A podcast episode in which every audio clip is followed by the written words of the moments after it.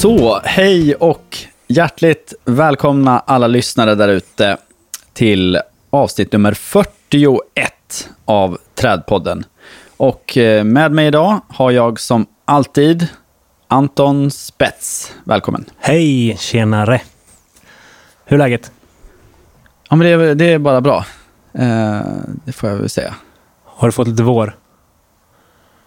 Nej, nej. Ja, det har jag väl i och för sig. Men eh, inte sen förra avsnittet. Då har jag mest varit uppe i Härjedalen. Där var det inte så vårigt. Där var det Ah. vinter så det, så det förslår. Okej. Eh, Men jag har faktiskt en liten... Ja, va- ja, det, har, det har varit sportlov, så jag har varit i fjällen där, helt enkelt.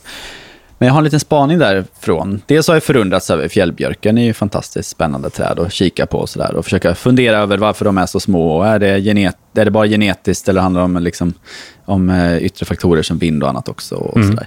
Men eh, framförallt så har jag ju... Jag har åkt ganska mycket längdskidor där uppe, så det, då går det ju lugnt. Hinner man titta på träden och sådär. Jag har fasats över tallar och granar på tok för högt upp på fjället. Är det samma ställe? Förstår du vad jag menar? Ja, ja, är det samma ställe du har varit på flera år i rad eller? Ja, jo, jag har varit där innan, eh, många gånger. Ja. Eh, och det är liksom, man ser att det är, det är nya tallar. De är Just det. ganska små.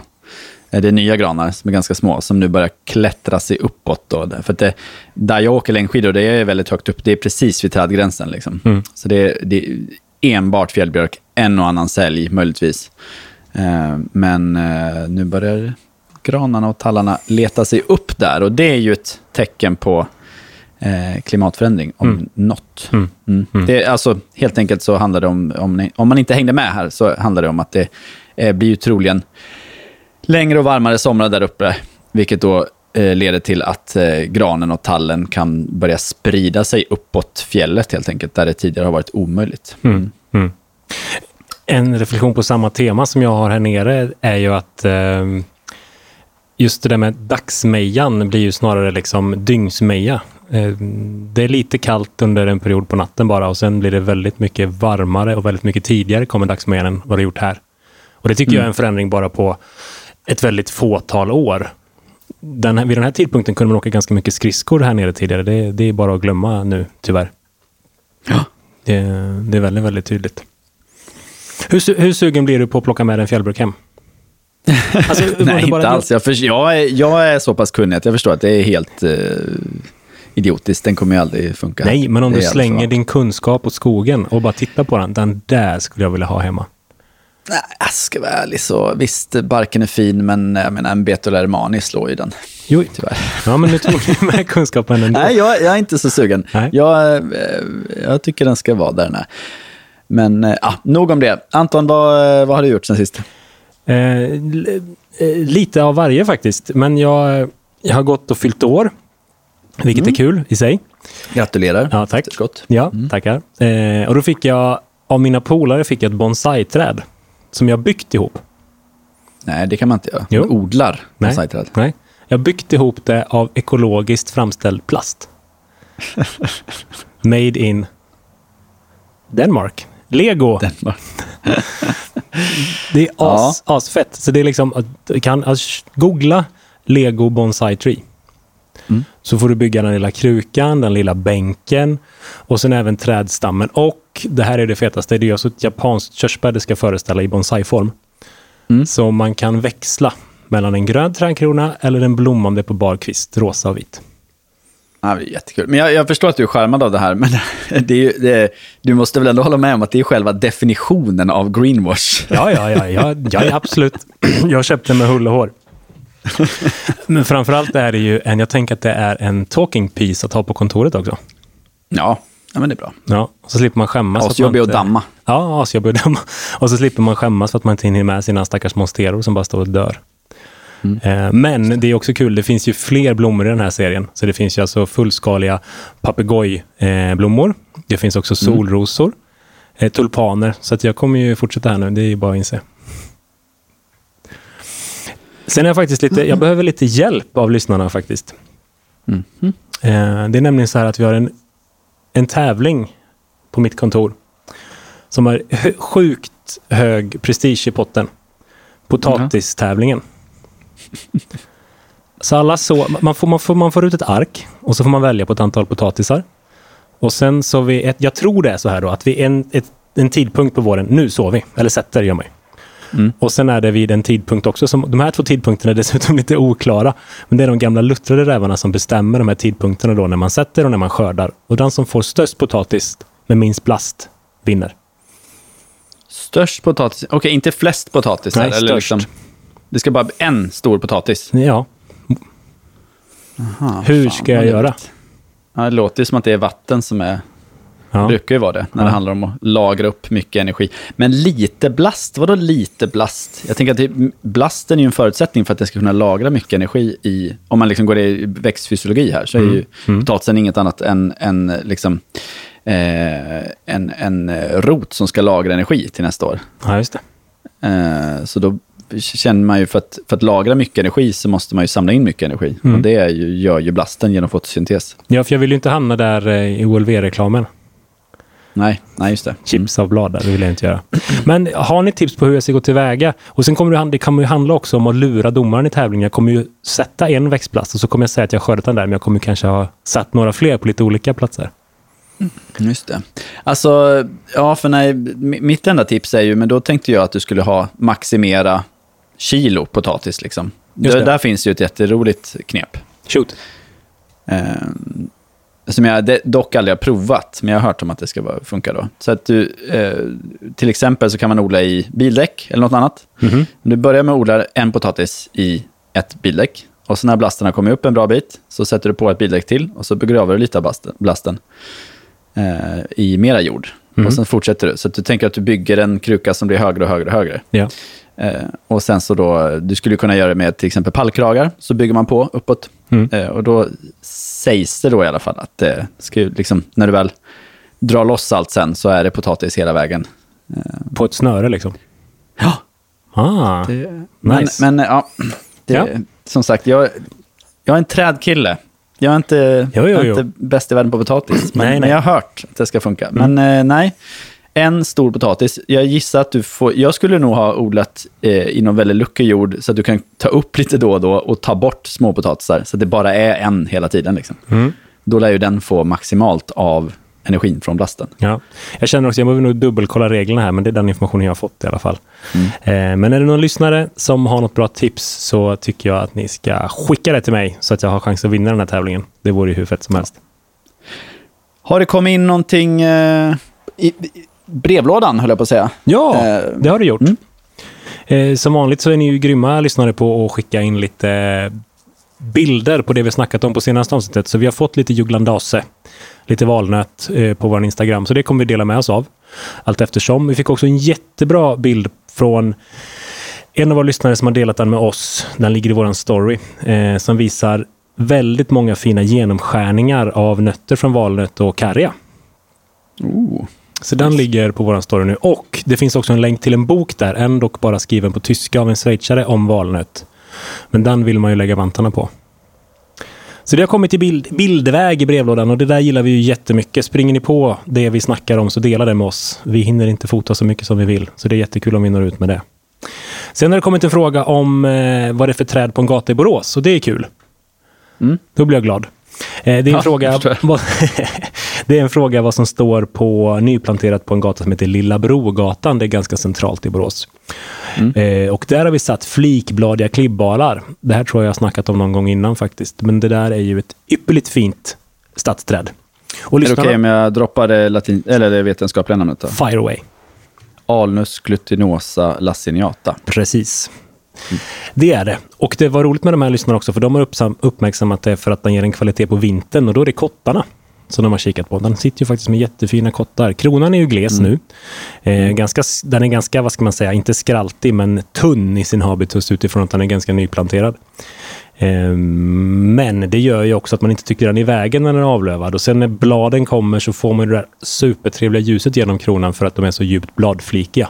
Det är den, en, en av de andra kvaliteterna med trädet. Sen också att den håller kronan grön väldigt länge på det. Det är också kul. Den är ju lite slösig, som vi brukar säga, klibbalen.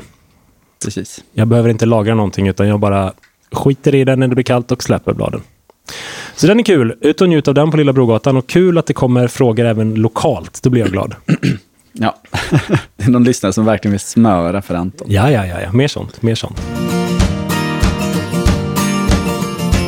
Trädpodden tackar vår sponsor Bara Mineraler. Ett företag som står med båda fötterna på jorden i både tanke och handling. Bara Mineraler utvecklar produkter som är sprungna ur mark och mylla för att skapa levande och jordnära stadsrum. Besök baramineraler.se och inspireras av projekt byggda på goda grunder.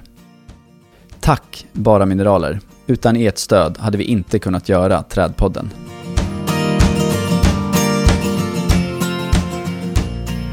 Det har hänt en del grejer i veckan också. Eh, det mesta är ju mindre kul. Eh, IPCCC kom med en rapport som kanske dränks mm. i allt annat. Vad, vad är dina känslor för den? Ja, men ja, största känslorna är väl att, det, att den tyvärr eh, drunknar i annan väldigt, väldigt tråkig rapportering, som vi väljer att inte prata om i det här avsnittet faktiskt. Det, eh, det, har nog lyssnarna lyssnat sig less på vid detta laget redan. Mm. Eh, nej, men så det är tråkigt att den kanske inte kommer nå ut eh, med tanke på hur jäkla slagkraftig den är egentligen. Mm. Eh, och det som är, jag tycker det är roligt, eller roligt, men, ja, men det, det som gör det mer intressant för oss och vår bransch är ju att den eh, gör, har ett stort fokus på klimatanpassning. Alltså det är lite så här, ja, vi får acceptera att det kommer bli eh, stora förändringar eh, i den takten som temperaturökningen ökar. Hur kan vi mildra de förändringarna i våra städer? Eh, och, och, på landsbygden. Och, ja, eh, men, men den tar ju ändå upp lite av det vi jobbar med, alltså just klimatanpassning av städer. Det, det tycker jag är, är roligt och mm. dags att vårt eh, arbete lyfts på lite så här större, finare bord helt enkelt. Ja, för det är ju ändå, det är inte hela lösningen, men det är en del av en stor lösning att börja just jobba med det vi snackar om. Så det, det, ja, får, det, det får alltså, som en positiv sak. Det tjatar jag om jätteofta, att liksom, nej, men jag jobb, jag, mitt uppdrag är inte att eh, stoppa klimatförändringarna. Det ligger på global nivå. Det handlar inte om att plantera träd i städer. Det kommer inte stoppa klimatförändringar. Vi måste sluta släppa ut eh, koldioxid. Det är ju, det är ju, det är ju enda sättet. Liksom. Mm. Eh, men däremot kan vi ju redan nu acceptera att klimatförändringarna är här. Vi är mitt i det och det kommer fortsätta att bli kämpigare och kämpigare, framförallt att bo i städer. Mm. På grund av till exempel urban värmeeffekt och andra eh, konsekvenser av klimatförändringarna. Och då är det ju superviktigt att vi på något sätt kan nyttja naturbaserade lösningar för att tackla de här eh, problemen. Mm. Mm. Mm. Precis innan vi skulle spela in här så drog du ett panik-sms till mig. Lyssna på Klotet, Vetenskapsradion ja. Klotet nu. så det vill vi tipsa lyssnarna om också. Ett jättebra eh, avsnitt om just IPCCs rapport. Ja, precis. Så eh. scrolla in på Sveriges Radios app och så kollar ni upp Klotet Vetenskapsradion Klotet, 2 mars 2022 får vi säga. Det, man vet ju aldrig när folk lyssnar på det här. Eh, det var det, ett jättebra avsnitt. Mm. Det jag tyckte var intressant där var just att de pratade om, eh, ja, men, eh, jag tror det var eh, vad heter han, Johan Rockström, mm. eh, som sa att ja, men, i rapporten så framhävs det att vi, vi måste bevara 30-50% av jordens natur för att kunna klara av 1,5-gradersmålet. Eh, och det är ungefär allt vi har kvar, helt enkelt. Vi har redan förbrukat så pass mycket. Så att vi kan inte, vi kan inte göra oss av med någon mer natur överhuvudtaget, vilket då betyder att vi måste förtäta våra städer. Vi kan inte exploatera mer skogsmark, åkermark, gräsmarker, våtmarker, något sånt, utan vi måste jobba med förtätning och då blir ju ditt och mitt arbete ännu mer viktigt. Alltså klimatanpassning eh, och att eh, få in grönska i redan hårdgjorda, tuffa miljöer. Ja, exakt. Ja, det här är väldigt, väldigt, väldigt tydligt. Jag tycker en annan sak som är intressant kring hela klimatförändringsbiten, nu ska vi inte ta den här för det blir en jättestor elefant att käka upp, men hur kommunicerar vi den här förändringen som sker så på så lång tid? Och med lång tid då sagt så är det ju en lång tid som vi som människor har svårt att ta till oss. Det är en väldigt mm. kort tid sett till jordens hela levnadstid. Men den blir så lång och då blir den svår att kommunicera så att folk fattar inte bara, det är väl som vanligt, det är gött med lite mer sol. Förra vintern mm. var ju kall. Eh, det tror jag är en jättetuff utmaning. Ja, Nej, men det är tufft och det är, det är klart att det är lättare att, att göra snabba samhällsomställningar när det kommer något sånt som till exempel en pandemi eller ett krig som är väldigt, väldigt definitivt och eh, förändras över en natt mer eller mindre. Mm. Här har vi en långsammare förändring, men något som kommer i längden påverkar oss otroligt mycket. Mm. Å andra sidan, Men man- ja, den som löser den nöten, att lyckas kommunicera det, får väl Nobelpriset gissar jag. Ja, nej, men ungefär så. Men kan man anpassa sig till någonting som händer mycket snabbare så borde vi kunna lösa det här med. Vi vill tacka vår sponsor Stångby Akademi. Stångby Akademi är ett grönt kompetenscenter som erbjuder kurser för dig som vill utvecklas i din yrkesroll. Du kanske vill bättra på din växtkännedom eller lära dig mer om beskärning och trädplantering. Gå in på stångbyakademi.nu för att ta del av deras ständigt uppdaterade utbud av kurser. Stångby Akademi hjälper dig till rätt kompetens för ditt projekt enligt mottot Tillsammans bygger vi framtidens gröna nätverk.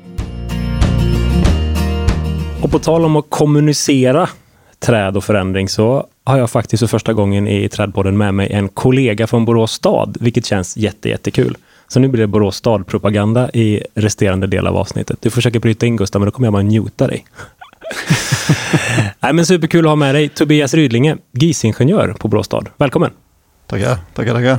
Hur är läget? Eh, det är bra. Gött. Det är bra. Är du också med i potatistävlingen? Eh, nej, inte än i alla fall. Är du inte medbjuden? Tycker jag är taskigt. jag visste inte Eller att den fanns. Den är på nu avdelningsnivå, men vi kanske ska utveckla den lite så kanske jag har en chans att vinna. Vi får se.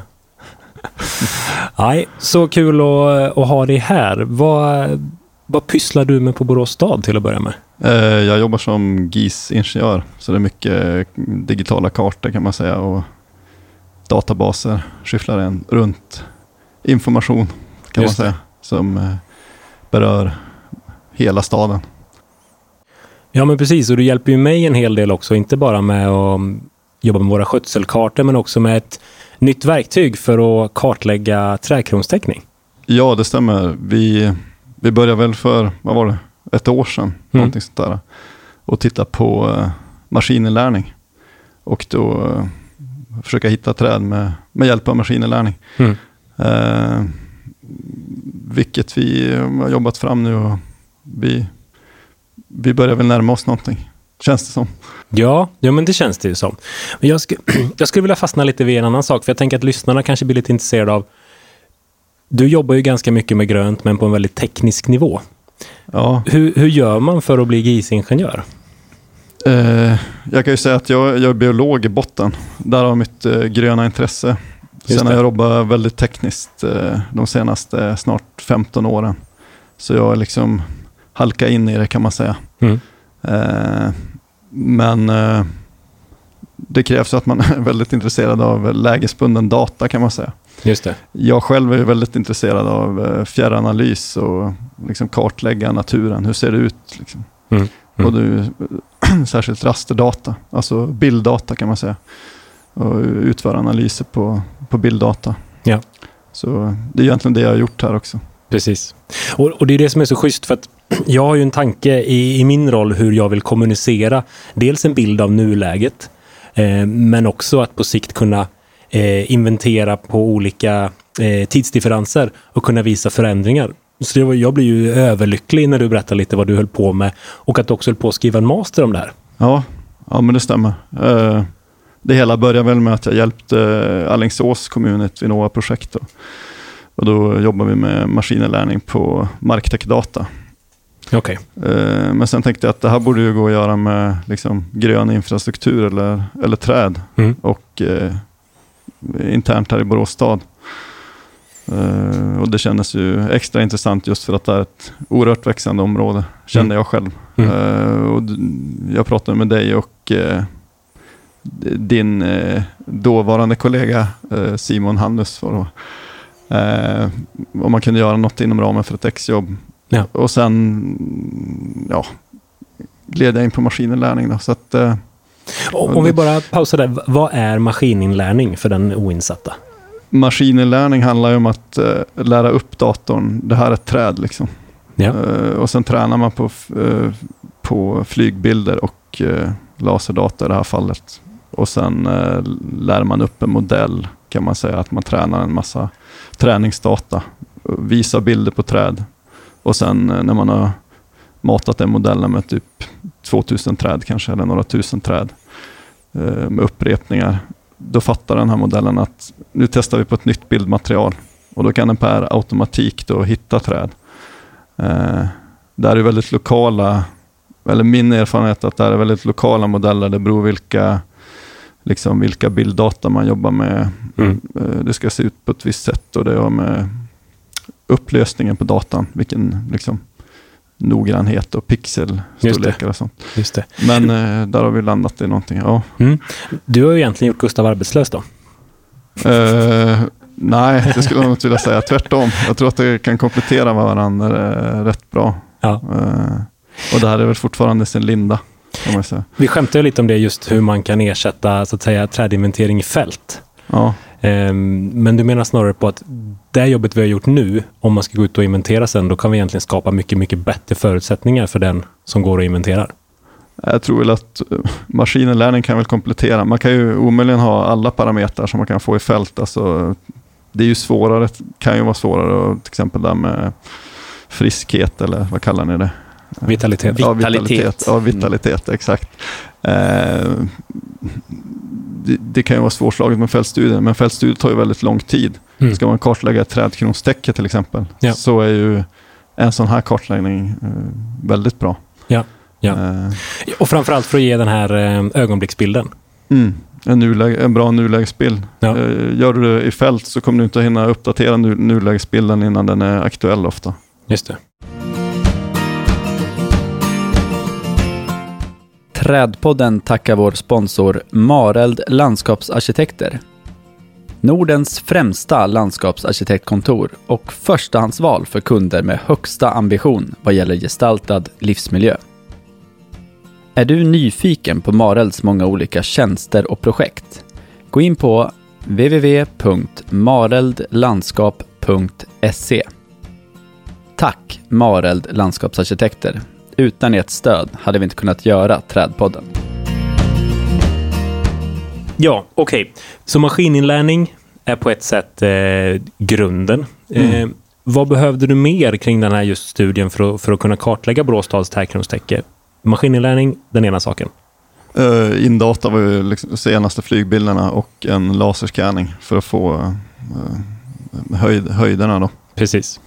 Om vi, nu blir det lite tekniskt, men det här tycker jag är intressant. För när man bestämmer, eh, till exempel då i en kommun, nu ska vi ta ett nytt ortofoto. Alltså nu Mm. ska vi fota nytt underlag så att vi slipper kolla på Google Vad, Maps vad tiden. är ort- ortofoto?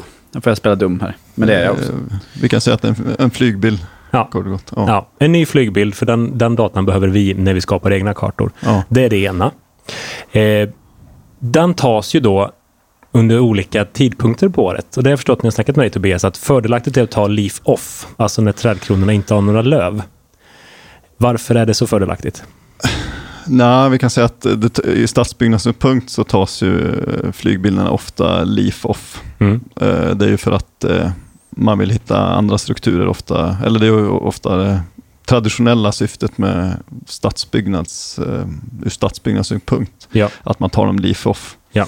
Men eh, det jag vill också testa med maskininlärningen att, att det funkar leaf off. Jag har inte använt till exempel vegetationsindex då, eftersom bilderna är tagna väldigt tidigt. Just det. Eh, sen är det inte leaf off rakt över. Men eh, jag vill också testa maskininlärningen på leaf off. Man ser ju ändå grenarna liksom och så. Mm. Men eh, vegetationsindex hade inte varit eh, fördelaktigt om man tar det tidigt på våren. För då, skulle det bli en underestimering. Ja. Så det var lite det jag ville testa med maskininlärningen också. Att köra liksom, på de bilderna som ofta finns traditionellt i, i Sverige när det gäller liksom stadsbyggnad. Och när vi då säger leaf off, då finns alltså inga blad på någon vegetation. Det är lite det vi menar. Och då tas ofta bilden april-maj. Ja, någonting sånt. Ja. Ja. Och det är jättefrustrerande då, för jag vill ju gärna titta på snygga kronor när jag tittar på ortofoton. Ja. Men det får jag inte fram i det här läget, för det handlar just om att de som styr behovet av bra ortofoton, det är snarare stadsbyggnad Mm. eh, kontra parkförvaltning. ja, traditionellt ser det ut så. Eh, Mm. Träd är fortfarande, vad ska jag säga, eh, att kartlägga på det här sättet är ju fortfarande i sin linda. Då. Ja. Eh, Det andra benet det tycker jag är intressant, laserscanning. ja, Eh, hur funkar det?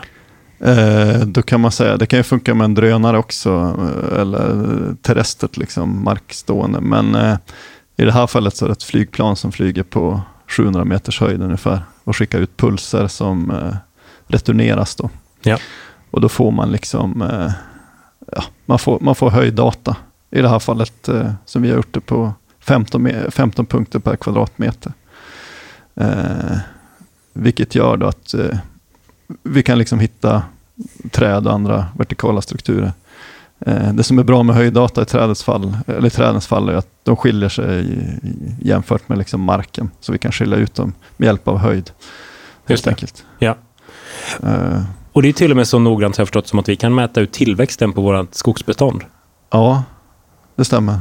Det är ju riktigt coolt. Ja. Och där tänker jag Gustav, då kan du också jobba med att beräkna kolinlagring utifrån det. Intressant. Eh, ja, absolut. Det kunna göra. Det, Ja. det här är ju superbetydelsefullt, för att det är ju en sak att mäta krontäckningen. Eh, men kan man dessutom kombinera det med hur höga träden är, så säger det ju väldigt mycket mer om mängden kol som är inlagrade i träden, till exempel. Eh, men säger ju även mer om liksom biomassan överhuvudtaget. Ju mer biomassa det är, ju mer reglerande ekosystemtjänster får vi mer eller mindre. Mm. Och det fina är ju då att eh, eller flygbilder och laserscanning är ju, eh, det är ju något vi gör kontinuerligt eh, uppföljande. Så då, då kan man också följa upp liksom hur, hur det utvecklas. Mm. Mm. För det, det här verktyget du har tagit fram nu då. Eh, om man väldigt kort förklarar det. Jag har fått ut ett superbra underlag av dig. Ja, Eh, som egentligen, den talar om för mig Borås stad trädkronstäckning utifrån att du matar in de här två faktorerna, ortofotot och laserdatan eh, och kör maskininlärning på det. Ja, det stämmer. Det är till och med så att jag till och med kan titta på i princip nyhamlade träd om man får en uppskattad trädkrona på dem utifrån då den datan som gjordes eller som togs om träden var nyhamlade. Ja. Det är jätte, jättehäftigt faktiskt. Vad tror du är eh, nästa steg kring det här? Vi har ju prov- provat lite att koppla på lite annan data. Eh, vad tror du man skulle kunna få ut där? Ja, vi tittar ju på det här med 330-300. Mm. Jag tycker att det blir, det blir väldigt intressant när man kopplar eh, befolkningsdata till eh, trädkronstäcke. Mm. Eh, inte främst om man ska prata med politiker och andra beslutsfattare. Och då kan man ju verkligen göra förändringarna i eh, där vi bor helt enkelt. Ja. Man kan motivera eh, man kan motivera och kanske motivera kostnaden och nyttan med, med åtgärderna. Så jag, tror, jag tycker att det är jätteintressant att, att gissifiera det här 330-300 Mm. eh, och försöka koppla just eh, demografi, alltså befolkningsdata till det vi gör. Jag tror att det, be, det får betydligt större slagkraft när man ska göra förändringar. Vilken typ av befolkningsdata skulle man kunna lägga till? Eh, ja, till exempel. Vi, tittar ju, vi har ju kikat lite grann på eh, statistiska områden. Till exempel eh, inkomst, utbildning. För att få liksom en rättvis bild över trädkronstäcket utifrån hur vårt samhälle ser ut helt enkelt. Eh, återigen, det är bra verktyg för, för våra politiker.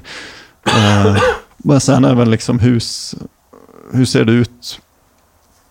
Ja, hur ser det ut liksom i det här eh, kvarteret eller den här gruppen av husen? Hur, hur bra trädgårdstäcke har vi här egentligen? Då kanske man kan hitta kluster av, av byggnader eller på kvartersnivå där, Mm. där att eh, här skulle vi behöva göra åt, åtgärder helt enkelt. Just det. Och det skulle påverka mycket. Då. Eh, både, ja. Ja, för det, det blir ju en viktig sak för mig är ju när jag får den här datan så ska ju jag med mina kollegor också göra prioriteringar. Mm. Eh, och om vi utgår antingen från 330-300 eller 25%-regeln eller förslaget om 25%-regeln som vi fått från Naturvårdsverket så kommer det oavsett eh, egentligen vad vi väljer att göra, alltså hur stor mängd vi ska plantera, så kommer det kosta väldigt mycket pengar. Mm. Och jag tror inte vi kommer kunna utgå från att vi kan göra hela insatsen direkt, utan man bör göra just prioriteringar. Och då är det ju superintressant, se om vi har ett område som kanske är tätbebott, bebott, eller vi kanske har ett område som är väldigt avgränsat av infrastruktur. Eh, eller vi kanske har ett område där vi vet att det är, eh, man upplever en otrygghet på allmän plats, så vi måste ändå göra satsningar där. Mm. kan då jag få stöd i den här analysen så är det ju ganska givet vart jag ska så att säga satsa eh, stadens skattepengar på nyplantering.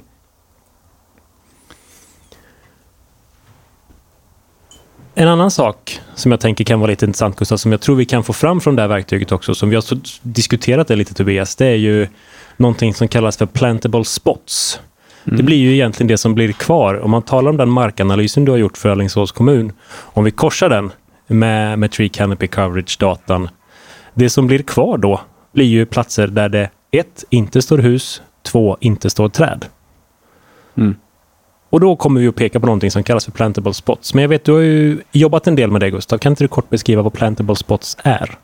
Ja, men precis. Jag är faktiskt uppe i en, eh, en rad olika projekt nu när jag har varit med och eh, tagit fram och levererat plantable spots. Så det, ja, det, det är ett roligt koncept. Eh, som man hör av namnet så är det importerat från USA, men eh, ja, vi har väl här i Sverige gjort det till vår egen grej. Liksom. Eh, det är mest namnet som är importerat om man säger så.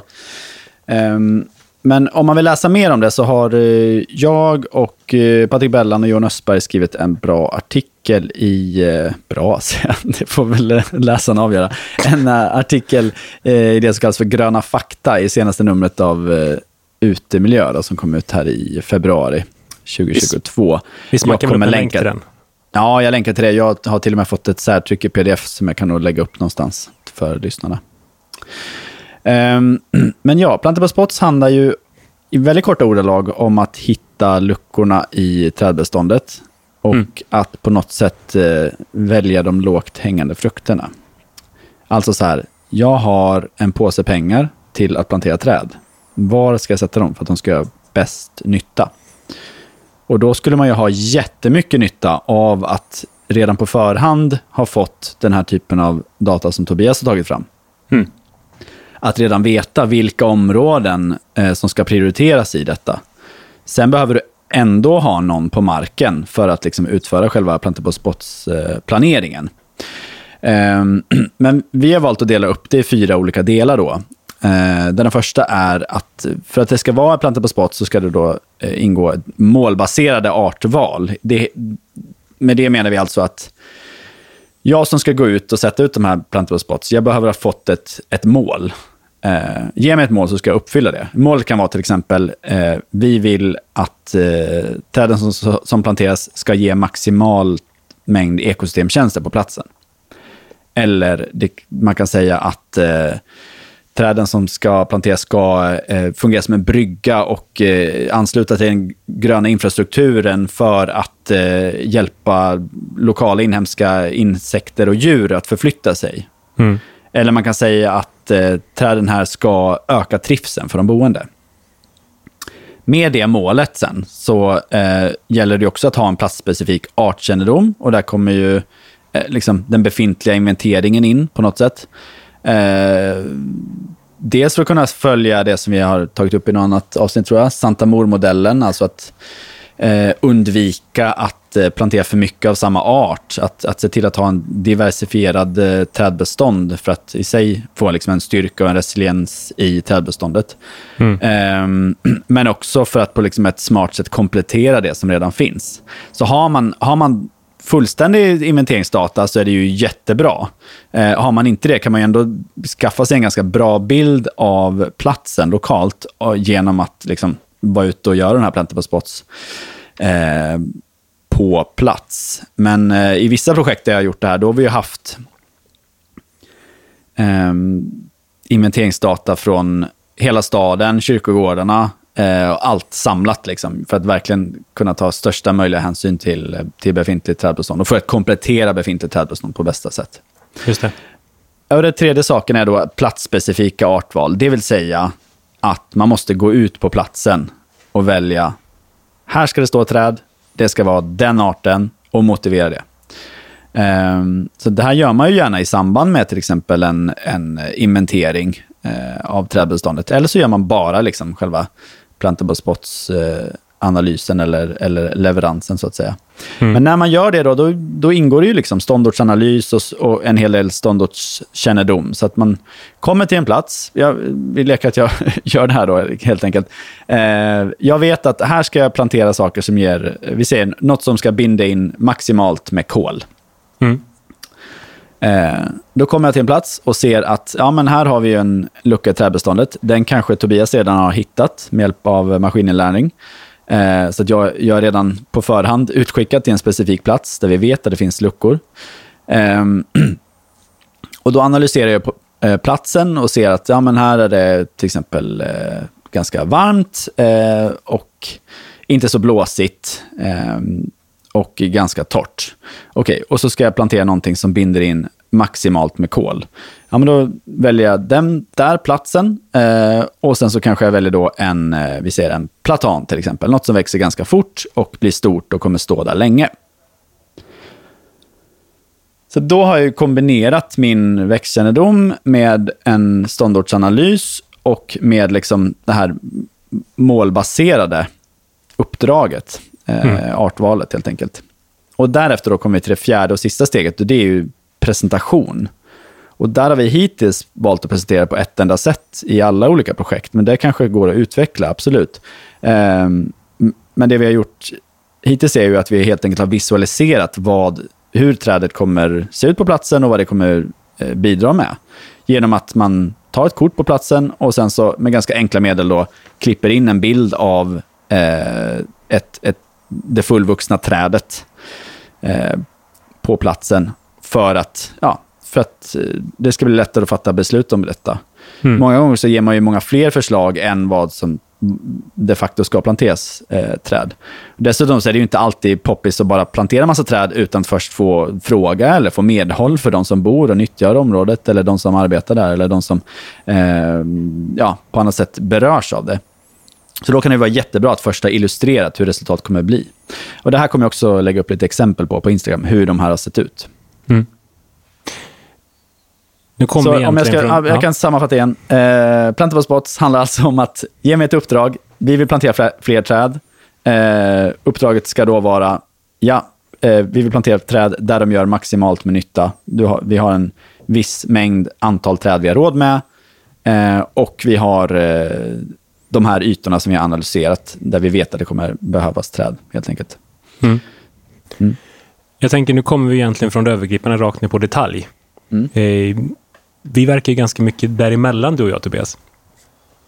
Ja, det kanske vi gör. Ja. Uh. Jag tänker att det här kan ju spela in ganska mycket när man kommer till en detaljplan eller ett planprogram.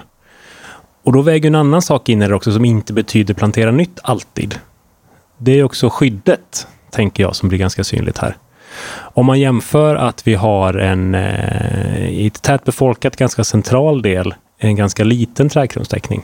Mm. Då blir ju per definition det trädet som står där samma träd, samma size, samma ålder i ett område där vi har mer trädkronstäckning. Det blir ju mer värt på den specifika platsen. Ja, nej men exakt. Och det är också intressant utifrån, för då kan man också tala om skyddsåtgärder och det är också där, då kommer vi tillbaka till åtgärdsprogrammet för just skyddsvärda träd. Det blir ju ett sätt att identifiera de träden som på sikt, eh, de som kanske är arvtagare idag, som ska komma upp och bli de här stora träden med de riktigt höga eh, ekosystemtjänsterna. Det är lite intressant faktiskt. Så jag menar, Gustav, det innebär ju inte bara då att man kommer rakt in och bara identifiera nyplantering, utan också identifiera och hitta argument för att bevara befintlig struktur. Mm. Ja, verkligen. Men alltså jag skulle vilja komma in på en sak som ni var inne på lite här tidigare i, i början av, av diskussionen här. Att eh, Tobias arbete kommer göra mig arbetslös. Liksom. Ha, ha, ha, så. Um, men, uh, men ja, det är skitbra skulle jag säga, faktiskt. Uh, för att som det är idag, om vi tittar på till exempel Naturvårdsverkets uh, riktlinjer, mm. eller förlåt, vad, vad heter det nu? Åtgärdsprogram för ja, bevarande precis, av åtgärdsprogrammet för särskilt skyddsvärda träd. Så står det ju där att det är en rekommendation, och, ja, mer eller mindre, inte ett krav ännu, men det kan ju komma, att mm. alla, träder ska ha, eller alla städer ska ha en trädinventering. Idag tror jag att det är omkring 50 procent av Sveriges träd som har någon form överhuvudtaget av trädinventering. Och det är inte säkert att den är uppdaterad. Nej. Um, en bra trädinventerare som ska samla in ganska mycket data kring sina träd kanske inventerar ungefär 100 träd per dag. Så räkna lite på det. Om vi säger ja, men, eh, en, jag har ingen aning, men jag, kan- jag kan gissa att eh, i Borås, så kanske inom er tätort, om vi inte räknar sk- skog, liksom stadsträd, så kanske ni har någonstans mellan 10 000 och 15 000 träd. Jag bara gissar. Enligt eh, iTree då, som tog upp lite större yta, och det hjälpte Tobias mig också med avgränsningen, så har vi 271 000 träd. Ja, men då är det massa skog och annat. Det, det ja, inte, men, nej, okej, nej, men de säger- är viktiga ändå. Vi säger Malmö då, som exempel. Där vet jag, jag tror att det är ungefär 65 000 träd som står Mm. eh, inom Malmö tätort. Eh, det tar ju väldigt lång tid, eller det går åt väldigt många personer till att inventera allt detta. Ja. Eh, kan man på något sätt, för det, det är ju viktigt såklart att få in data som vitalitet och annat. Men, men om jag skulle gå ut och inventera, och eh, vad finns redan på plats? Ja, det som redan finns är eh, var trädet står. Den finns redan i min, liksom, ja, men jag har kanske en app där jag pluttar i alla träd. Eh, där finns de redan som ett, liksom ett tomt ark. Ja, här står det ett träd. Här ska du fylla i.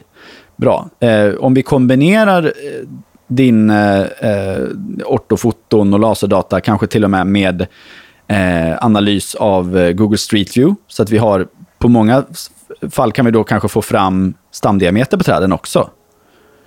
Eh, har du fått in den, ja då besparar du mig massvis med tid, för då behöver inte jag gå fram till varje träd och mäta stamdiametern. Vi kanske har fått med kronans bredd. Vi, vi, alltså, jag tänker det, det är otrolig potential i det här med maskininlärning, vilket då gör att eh, de få människor som ägnar sig åt detta idag i Sverige kommer räcka till många, många fler eh, trädinventeringar. Nej, jag tror precis som du sa att eh, jag tror att de kompletterar varandra. Jag tror absolut inte att du blir arbetslös, utan jag tror tvärtom. Men eh, på en översiktlig nivå, när du ska, innan du ska börja jobba så hittar du de där luckorna med hjälp av eh, ja, maskininlärning och GIS. Då, Mm. och, och så kan du fok fokusera på fokusera vidare. Så man, man kan ju identifiera de här ställena där det behövs träd. Kanske Mm. också med, med hjälp av befolkningsdata till exempel. Och sen kan du börja ditt jobb därefter. Eh, lite så. Det känns som att det, det här blir ett väldigt bra komplement.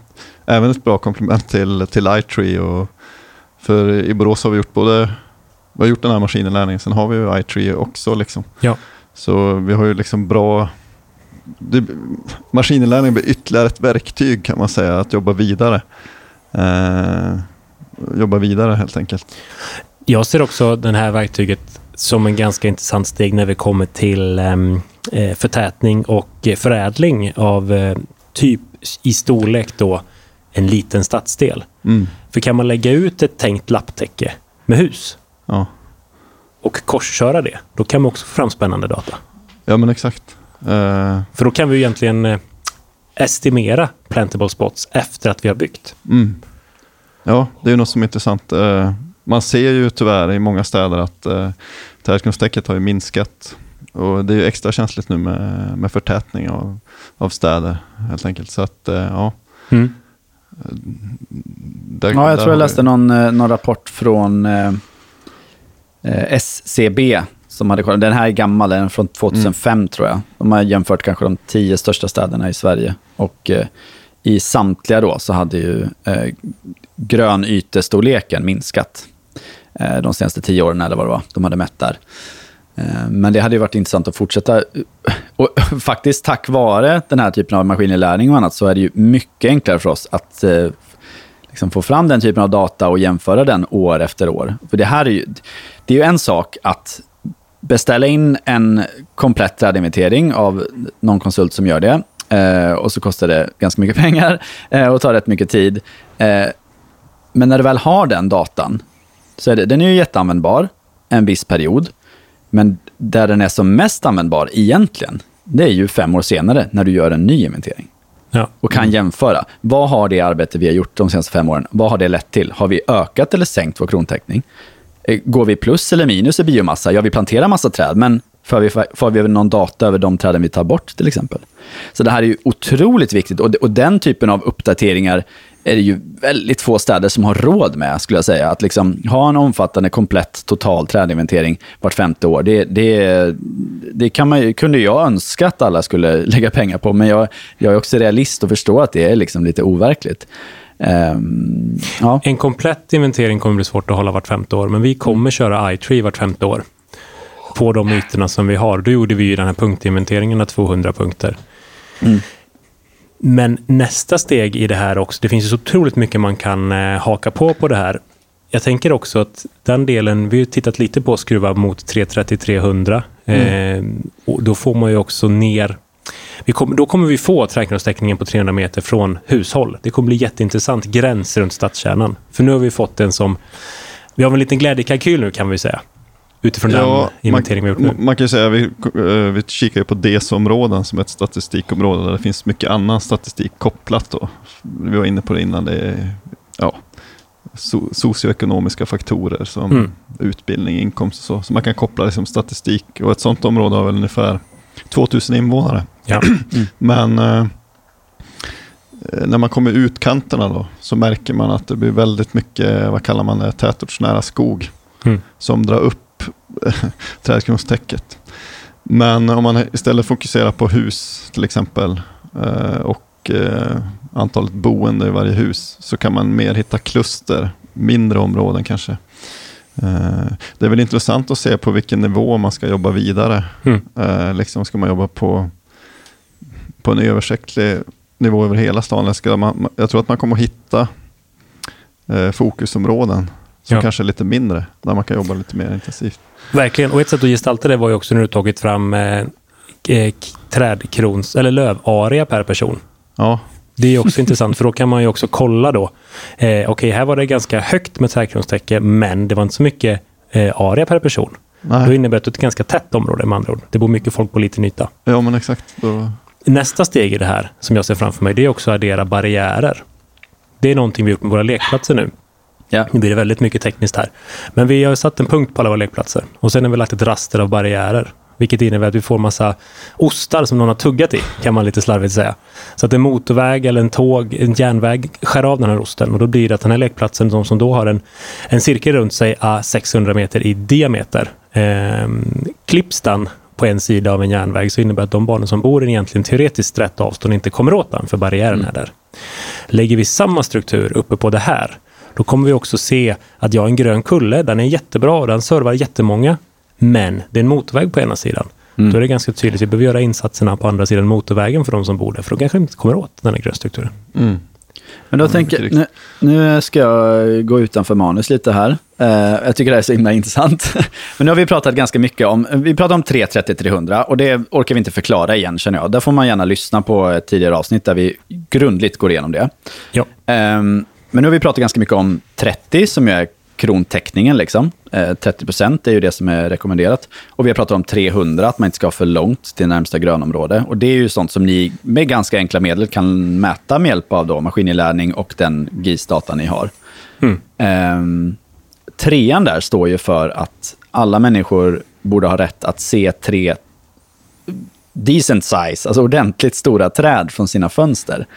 Eh, är det här någonting du också skulle kunna få fram, tror du, Tobias? Kanske inte i detta nu, men, men liksom i en, i en eh, snar framtid. Går det, att, går det att mäta? Den är lite mer komplex, för då, då blir det ju... Eh, där blir ju nästan lite någon form av siktstudier.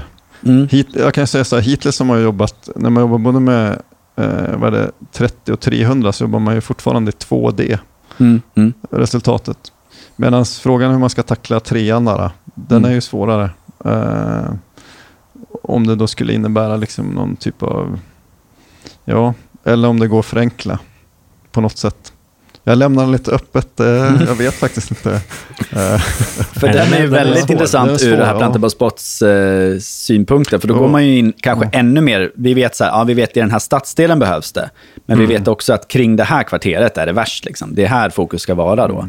Eh, så även om man ser stadsdelen i stort så är det, ja men här ser folk bara ett träd på sina fönster. Det, det, och, och det, det finns ju gott om siffror som då motiver- eller som förklarar att, att de här mår troligen sämre än de som bor i, i huset bredvid, där de åtminstone ser tre träd från sina fönster. Mm. Eh, där borde man alltså göra satsningen helt enkelt. en spontan tanke att man, det, jag tänker att den i vilket fall kanske blir mer resurskrävande. Så man ska inte behöva göra den på, man kanske kan hitta de där fokusområdena först. Mm. En spontan tanke här och nu. Och sen skulle man göra någon typ av tre studier på slutet när man har hittat de fokusområdena. För det kan bli ganska resurskrävande på liksom, eh, tätortsnivå. Just det. Eh, Jag menar redan nu när jag öppnar det webbaserade lagret för trädkronorstäckning så tycker min dator det är jobbigt. ja, Så addera då 3D till det, det är tufft. ja, ja, men exakt. Men det är ju Ja. lite, lite starkare datorer, det har ni väl råd med på Borås då? Nej, vi planterar bara för alla pengarna nu. Det är så. Nej, men jag har sett också att man använt just den här 3D-scanningsmetoden för att se lövtecken. Det finns ju försök på den. Eh, Men det är nog klokt att rikta den.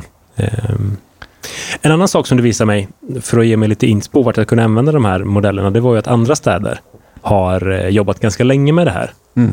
Eh, bland annat Philadelphia, inte sant? Eh, ja, jag tror faktiskt att de har jobbat och eh, i alla fall eh, San Francisco och eh, vad heter de, Baltimore. Just det. Antagligen svårt att hitta någon källa på Philadelphia, men jag är ganska säker på att de jobbar med det också. Mm.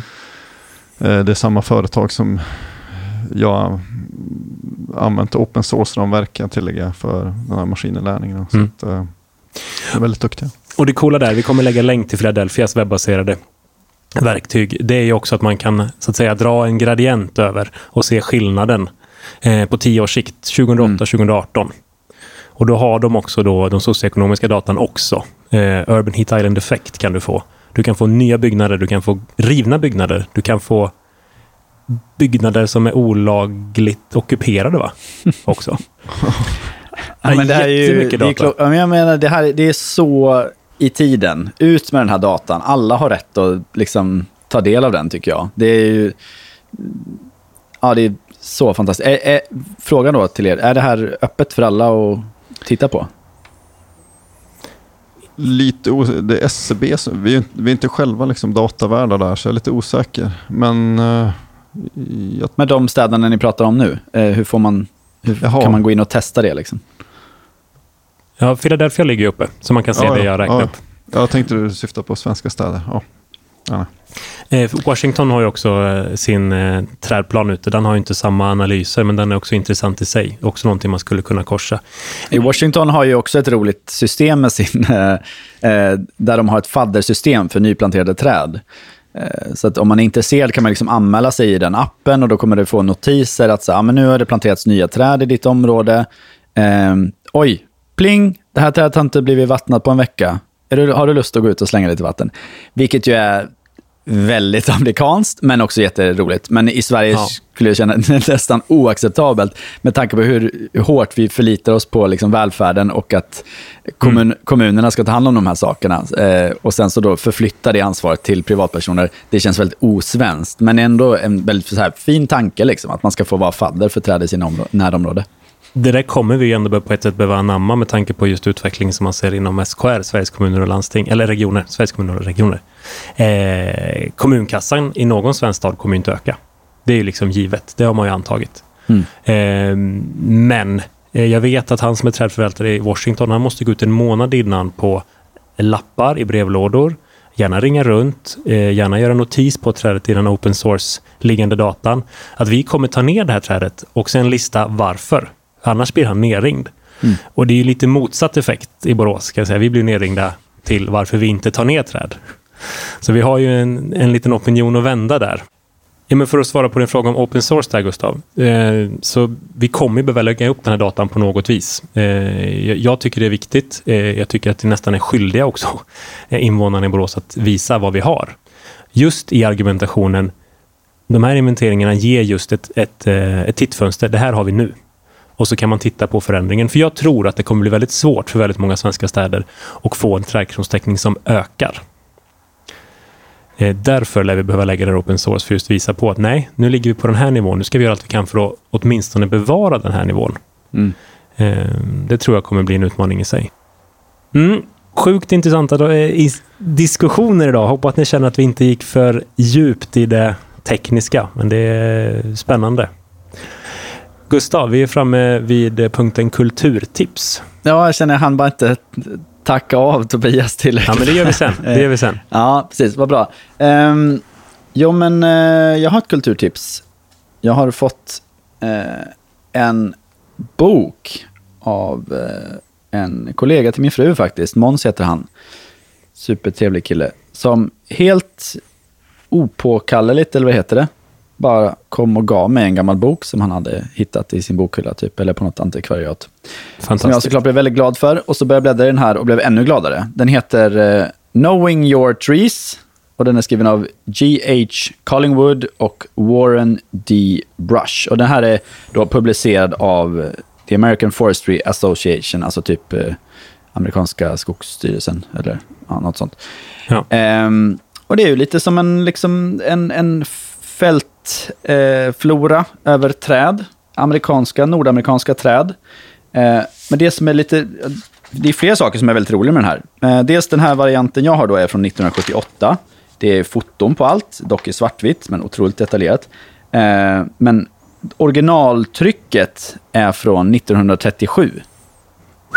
Så den har funnits ett, ett tag, den här boken. Och nu precis innan avsnittet så googlade jag på den. Och det kom en 2021, en nyutgåva. Så här Ah. verkar ju vara liksom ett verk som man bara uppdaterar hela tiden. För den jag har då, den är tryckt 37 och sen finns den uppdaterad 65, 74, 75 och 78 då. Som den varianten jag har. Det här är ja, den är härlig. Den luktar så här härligt antikvariat. Eh, och jag kollade nu eh, lite snabbt på Amazon. Kan man få den här gamla varianten som jag har. Den kan man klicka hem för en 6 dollar eller något sånt. Så det var ju inte dyr heller. Nej. Ehm, men det som är nästan mest intressant, det är ju att se, för det är väldigt, väldigt tydligt, de här olika trädens utbredning i, i Nordamerika. Vilket ju säger ganska mycket om liksom, huruvida de skulle kunna funka i svensk klimat och var i Sverige de skulle kunna fungera. Och det står ganska mycket om liksom vilka ståndorter de trivs i ehm, eh, och, och, och vilka träd de har som grannar och så vidare. Så det är en riktig guldgruva och, och liksom, ja, men ju mer man bläddrar i den så är det verkligen, ja ah, just det, det är, det är det här och det här och det här trädet, det här borde vi också testa, det här borde testas mer. Och mycket av det som idag är i ropet av nya stadsträd är ju de här nordamerikanska, lite mer anspråkslösa arterna. Eh, Just det. Och alla de finns med här, om än ibland med fel eh, vetenskapligt namn, för sånt där byts ju lite då och då. Men ja, en superbra bok. Jag eh, eh, blev alldeles tagen när jag fick den här och eh, nu är den så här, mm, går in och bläddrar in lite hela tiden. Supermysig. Ja, grymt. Det där är något vi måste klicka hem direkt. Mm. Eller vad säger du Tobias? Det låter så, exakt. Mm. Schysst, det var allt vi hade för idag. Tack så jättemycket Tobias för att du tog dig tid. Tackar. Superintressant verkligen. Det var kul att vara med. Tack så mycket. Och jag tänker så här, om det är någon lyssnare som går på en fråga här, så skicka in dem så sticker jag bara upp till ditt kontor. Ja, det så låter kommer vi kunna ge svar. Verkligen. Ja, men. Och jag tror att vi är, vi är, som sagt, Tobias har ju sagt det flera gånger i det här avsnittet, men vi är ju i, i vad heter det, maskininlärningens linda, eller i alla fall att använda det på, på eh, gröna faktorer är ju i sin linda.